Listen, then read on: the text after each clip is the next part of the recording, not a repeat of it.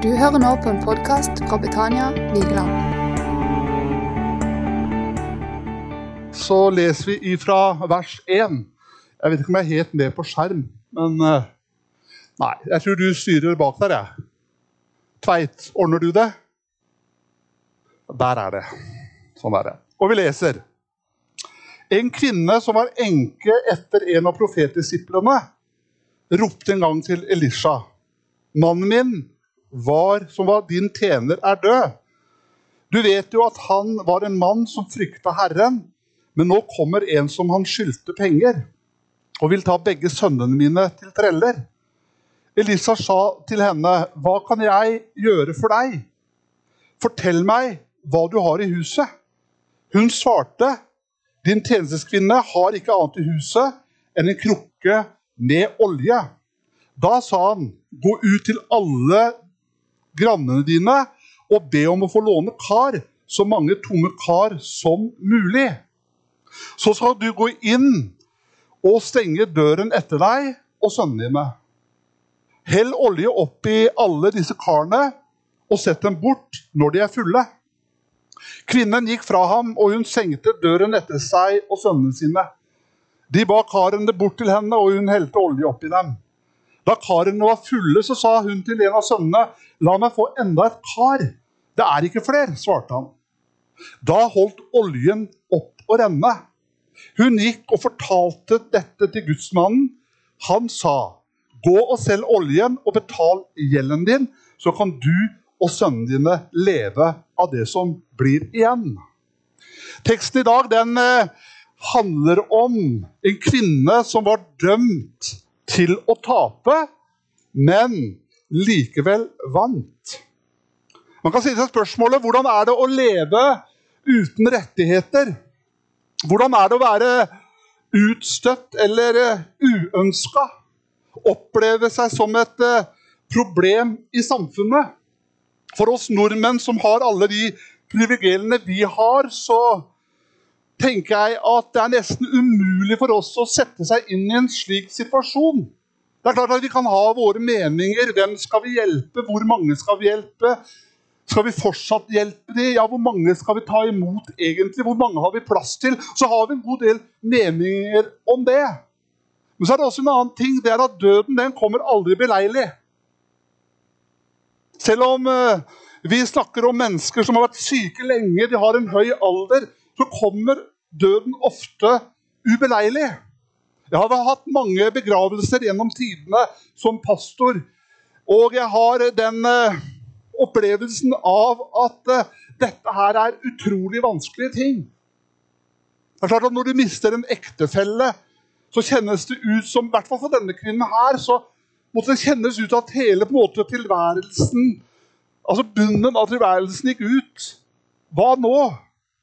Det er klart at Den du har delt sorger og glede med, den du har våkna opp sammen med i mange mange år, den du har krangla med, til og med, den er ikke hos deg lenger. Og så blir det et tomrom som det er så utrolig vanskelig å fylle. Og så må du lære å leve deg og leve med en ny virkelighet. Og For denne enka som vi har lest om i dag, så blei denne virkeligheten hun opplevde, umulig å leve med. Ikke bare hadde hun mista en god mann. Det er på en måte tøft i seg sjøl, men hennes gode venn og kjæreste og ektemann var død. Og klart at Det å bli enke i dette samfunnet som vi leser ifra i dag, som ikke hadde noen form for velferdsordninger, det var en katastrofe. Hun var i stor materiell nød. Det var ingen som kunne forsørge denne enka og hennes to sønner. Så enka hun gjorde det hun kunne, men det var ikke godt nok.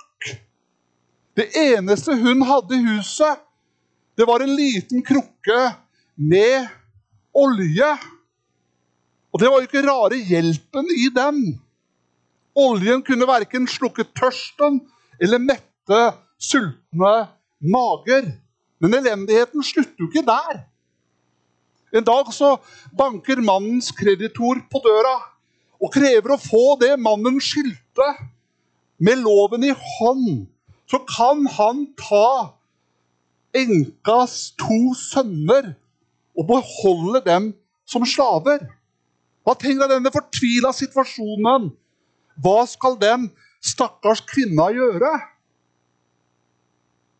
Hvordan komme seg ut av en sånn knipe? Det enka gjør, det er at hun griper det eneste halmstrå hun har, sin manns tidligere arbeidsgiver Elisha. Kanskje han kan hjelpe? Hun hadde kanskje sikkert hørt noen fantastiske historier om han. Hun tenkte kanskje på, historien i andre kongebok 2 om da profeten kom til Jeriko, en vakker by, en herlig by. Det var et stort problem i byen Jeriko. Drikkevannet var dårlig, og folk ble syke, og de døde av det. Da gikk denne Elisha til vannkilden og kasta salt oppi vannkilden og sa Så sier Herren, nå gjør jeg dette vannet friskt igjen. Kanskje det var det den enka tenkte på. Det skal aldri mer volde død eller ødelegge avlingen. Siden har vannet i Jeriko vært friskt helt til den dag i dag, slik som Elisha hadde sagt. Og Det sier også i Bibelen i 2. kongebok 2,21 at Jeriko ble kjent som palmebyen, den fruktbare byen. Jeg forstår at denne enka gikk til denne mannen og ville ha hjelp. Profeten han tok seg tid til å lytte til denne enkas eh, problem. Bare det måtte jo vært fantastisk for en kvinne i hennes situasjon når en sånn profet setter seg ned og hører.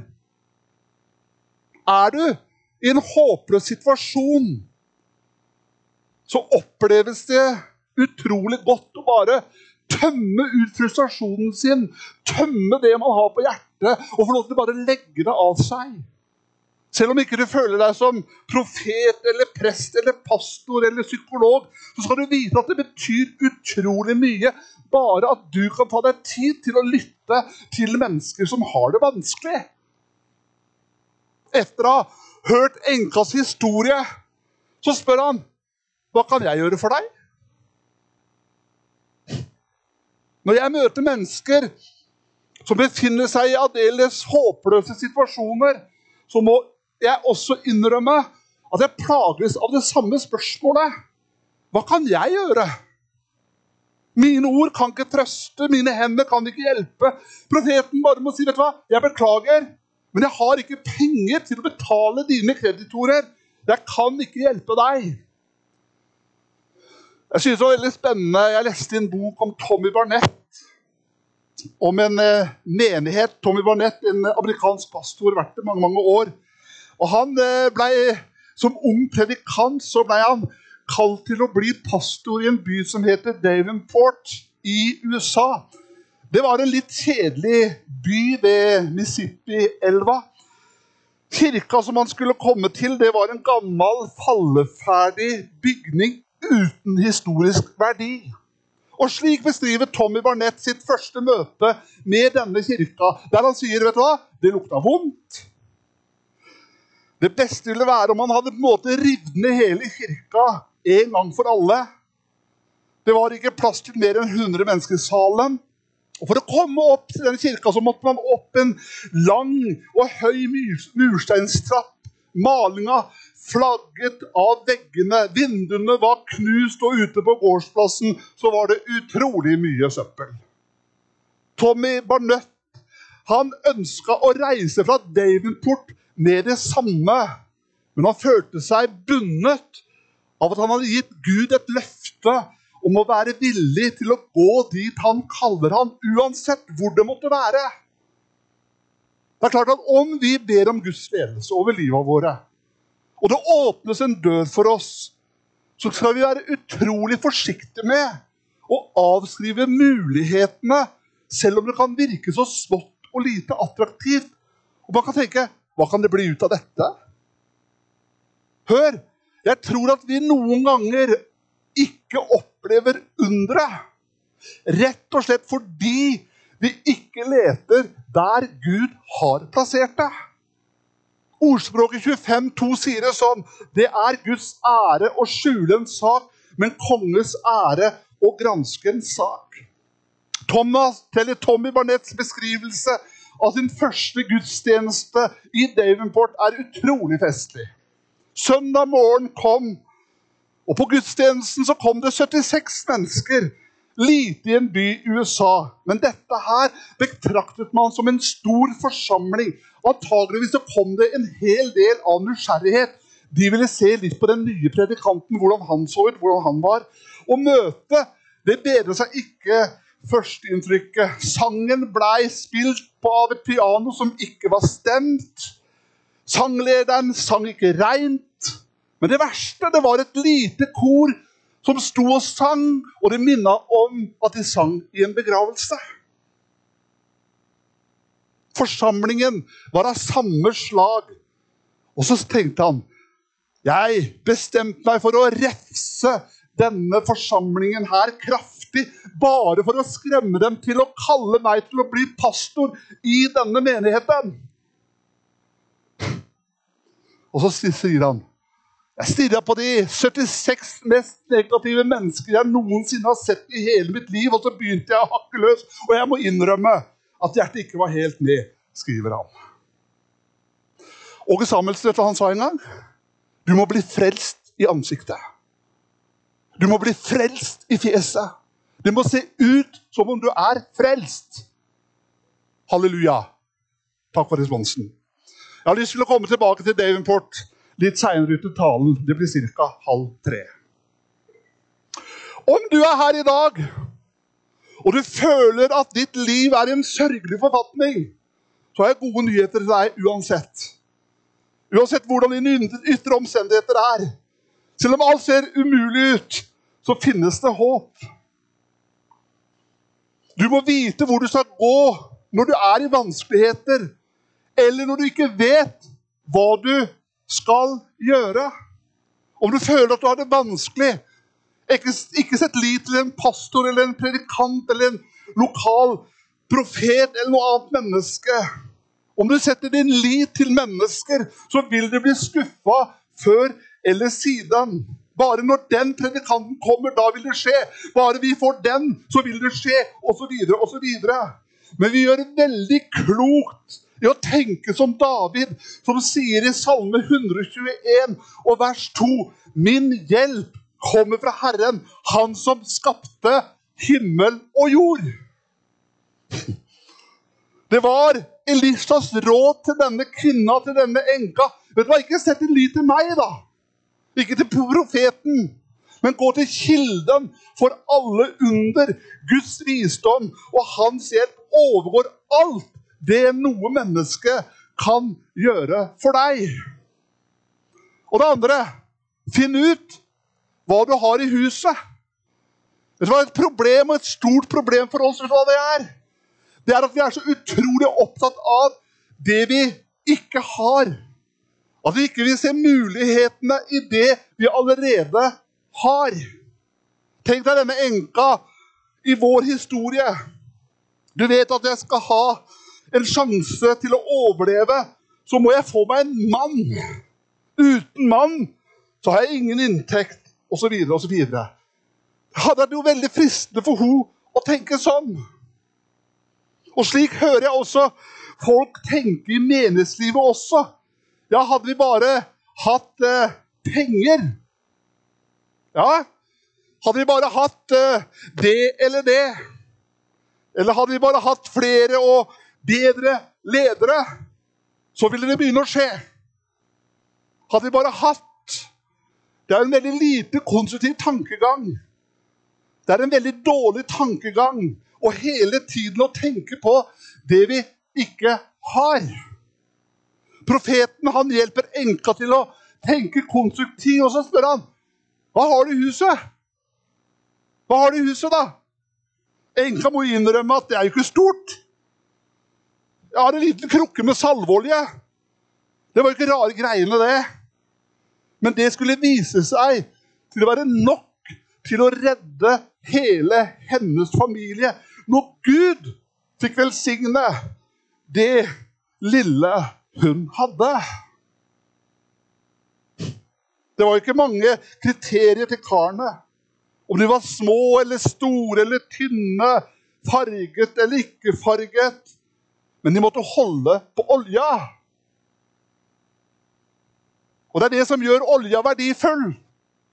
Og det er jo olja som er hele forskjellen. Det var jo ikke mye å skryte av i denne menigheten til Tommy Barnett heller, i Davenport. Men det skulle vise seg å være noe i huset som Gud kunne bruke. En eldre dame i menigheten, Mrs. Bobby Stoltenmeier, var nylig blitt en kristen. Og hun fortalte at hun hadde et hjerte for evangelisering. Og Hver fredag siste halvåret så hadde hun gått rundt i byen og vitna for folk. Og Så lurte hun på om den nye pastor ville være med. Som pastor da, så kan du ikke si nei. Han ble med henne neste fredag. De prata med noen folk. Ingen kom til tro. Neste fredag var det en eldre mann som tok imot Jesus, og Mrs. Stoltenmeier var så stolt over å kunne ta med denne nyfrelste, gamle mannen på gudstjenesten søndag etter. Og den gamle mannen han gikk fram til plattforma, og så vitna han at han hadde opplevd. Og den døende menigheten begynte å bli begeistra. Neste søndag så var det to nye kristne som sto på plattforma og vitna at de var kommet til tro etter at vi hadde prata med fru Stoltenmeier og pastoren. Etter hvert så blei flere og flere med i menigheten og grepet av en iver etter å se mennesker komme til tro. Snart fant menigheten ut at de trang en buss for å hente alle de nye som hadde blitt invitert til å bli med i kirka. De kjøpte først én buss, så to busser, så tre busser. De fylte bussene opp med folk de hadde snakka med på gata. Tok dem med til gudstjeneste, og hundrevis av mennesker kom til tro. Kirka ble snart for liten. De fikk et nytt bygg. Det strømma folk på fra alle kanter, og nå var det vekkelse i Davenport. Men hva starta det med, da? Det starta med en eldre dame i menigheten som gjerne ville fortelle andre om sin tro. Vet du hva det gjør? Det ligger en stor, stor hemmelighet her. At Gud, han bruker det du har i huset. Og jeg tenker her i Betana Vigeland så er vi jo på en måte privilegert. Man har et fantastisk bygg. Man har sangere som synger rent. De er kjempegode. Man har en gruppe av unge mennesker som er opptatt av at folk skal komme til tro. Man har ildsjeler som står på for å gi barna et møte med Jesus. Vet du hva? Gud vil bruke det vi har i huset. Og hvis dette fulle potensial som ligger i dette huset vi er i i dag, blir forløst, vet du hva det vil skje da? Da vil det skje mye. Vi har mange muligheter. Halleluja. Det tredje punktet er La deg ikke blende av det negative, men se det positive. Se mulighetene. Profeten spør enka fortell meg, hva har du i huset. Hun svarte din tjenestekvinne har ikke annet i huset enn en krukke med olja. Når Elisa spør enka hva hun har, så får han et negativt svar. Det er jo ikke rare greiene. En liten krukke med salveolje. Og sånn kan vi også tenke om oss sjøl. Det vi har å bidra med. Jeg har jo ingenting. Jeg kan ingenting. Og jeg blir ingenting. Og janteloven vil innbille oss at det er sant. Men Gud vil at vi skal se på virkeligheten med andre øyne. Han vil at du skal se at du er skapt unik. Han vil at du skal se at du har noe å bidra med som ingen andre enn deg kan bidra med. Gud ønsker å åpne våre øyne, så vi ser og oppdager alt det Gud har gitt oss, og bruker det i tjeneste for Han. Det mest tragiske som kan skje, vet du hva det er? At vi graver ned våre talenter. Og det er jo skremmende med det at vi en dag skal eh, svare for hvordan vi har brukt de gaver Gud har gitt oss. For han ga oss nemlig noe for at vi skulle investere det i Guds rike.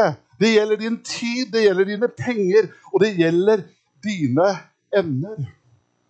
En av de tingene denne menigheten her er god på, og har vært god på i mange år, det er at man gir mye til misjon.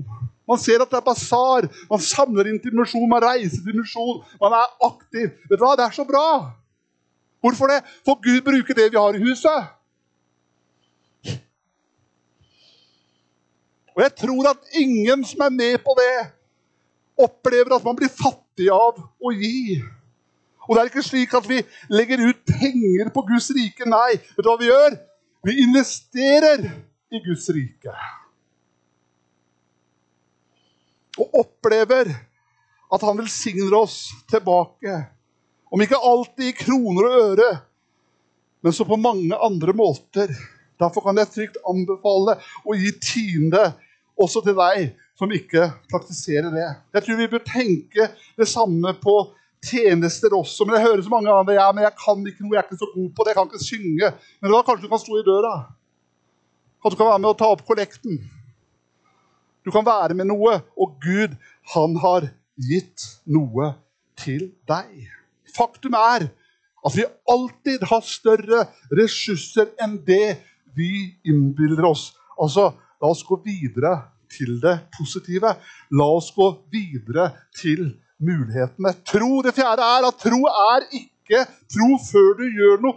Tro, det krever handling. Da sa han, profeten Elisa, til denne enka Gå ut til alle gravene dine og be om å få låne noen kar. Så mange tomme kar som du kan få tak i. Profeten han ber enka om å gå til sine naboer. Hun måtte aktiviseres om hun skulle forvente et under. De fleste mennesker er sånn at vi vil at Gud skal handle på deres egne vegne. Men først må de selv handle i tro. Og så er det sånn at Vi må ikke begrense Gud. Det står I eh, Efeserbrevet så står det at han som kan gjøre mer enn alt, langt ut enn det vi forstår og ber ham. Og Jeg lurer på hva disse naboene tenkte når enka fløy rundt i hele nabolaget og spurte om å få låne kar til å helle oppi. Jeg tenker, Har det gått helt fra konseptet der? Den gamle enka. Og jeg tenker at Det er en herlig tanke at i menigheten så trenger vi alle karene de som var her når det starta, de som er nylig kommet, de som er unge, de som er godt voksne, de som er gamle. Vet du hva? Guds velsignelse vil flyte så lenge han har kar til å fylle. Jeg tenker at Prinsippet for vekst er enkelt så lenge folk sier 'Her er jeg', og har et tomt kar. Jeg har ikke all verden å bidra med, men Gud, ta meg og bruk meg. Da vil han fylle deg og utruste deg og bruke deg. I det øyeblikk vi ikke er villige til å stille oss i Guds disposisjon, så starter, stanser veksten opp ganske enkelt fordi Gud har gjort seg avhengig av våre villige hjerter, villige hender og villige føtter. Venstre, vet du hva det var en gang? Det var en gang Norges største parti. En gang var det det. Det er et bilde på hva som kan skje med alle bedrifter og fotballklubber, og ikke minst menigheter. Om kirka fylles opp hver søndag, så er det jo flott. Men vi skal ikke være fornøyd med det. Om vi ikke har større drømmer enn å fylle vårt lokale, så har vi allerede satt et tak på hvor stor menigheten kan bli. Du kan ikke si at du er fornøyd den dagen vi har 100 i snitt på møtet, og ikke den dagen det er 300 eller 500 heller. Men i det øyeblikk vi er fornøyd og tenker at nå er lokalet fullt, eller nå har vi ikke flere gruppeledere Vet du hva jeg tror? Da tror jeg veksten stanser opp. Hva skal vi gjøre i dag? Jo, vi må hele tida sette ut nye kar. Jeg tror det er viktig at vi setter oss noen eh, store og hårete mål, noen drømmer som vi på en måte strekker oss etter, og at vi strekker oss nok etter, så vi er avhengig av et under for å få dem realisert. Da har Gud mulighet til å fylle våre kar. Vi må ta noen skritt i tro etter hvert som olja renner. Vi må hele tida hente nye kar. Vi må vurdere om vi skal ha flere møter, flere grupper. Ja, da, Tenk å komme dit, da. Takk for responsen. Jeg håper vi er villige til å tenke eksplosjon, om vi hele tiden er villige til å sette ut nye kar. Det var olje så lenge det var tomme kar. Noe også denne profeten sa til denne enka, det var lukk døra og steng tvilen ute. Du, kan, du skal gå inn, og så skal du stenge døren etter deg. Og sønnene dine, hell olje oppi alle disse karene og sett dem bort når de er fulle. Den fattige enka hadde lånt kar av nysgjerrige naboer. Og tenk om hun hadde latt døra stå åpen. Og så hadde dukka nysgjerrige naboer opp. Og vet du hva? Om jeg hadde vært nysgjerrig i, i, det her, det hadde vært helt klart Jeg mener, Hun har lånt ti tomme kar hos Hva skal hun med de? Det er klart Jeg hadde gått etter og sett. Er hun helt på tur? Men hun lukka døra, og så stengte hun alt ute. Og så bare helte de på og helte på. Sønnene kom med tomme kar. Tomme kar helte på, helte på. på. Og det skal jo ikke på en måte stor fantasi til å på en måte tenke og forstå hva de ville ha sagt. De hadde vært negative. Vet du hva? Jeg tenker Har Gud en drøm, så skal du være litt forsiktig med hvem du deler den med. Det tror jeg er kjempeviktig. Jeg tror det er kjempeviktig å ikke dele den med enhver, men hold den litt for deg sjøl. Da karene var fulle, så sa hun til en av sønnene La meg få enda en kar. Det er ikke flere, svarte han. Da holdt oljen opp å renne. Hun gikk og fortalte dette til gudsmannen, og han sa, 'Gå og selg oljen og betal gjelda di, så kan du og dine sønner leve av det som blir igjen.' Har Gud gjort noe stort i ditt liv? Ikke hold det for deg sjøl. Del det med andre. Det under Gud gjorde for den fattige enka, ble til glede for mange. Hennes familie nøt godt av det. Alle hennes kreditorer ble glade og fornøyde fordi hun kunne dele de velsignelsene Gud hadde gitt henne. Når Gud velsigner oss, så er det for at vi skal ha noe å gi til andre. Takk deg, Jesus, at du er her. Takk at du kjenner oss, og du vet om oss. Takk at du ønsker å møte mennesker her i formiddag og fortelle dem vet du hva, det du har, det ønsker jeg å bruke.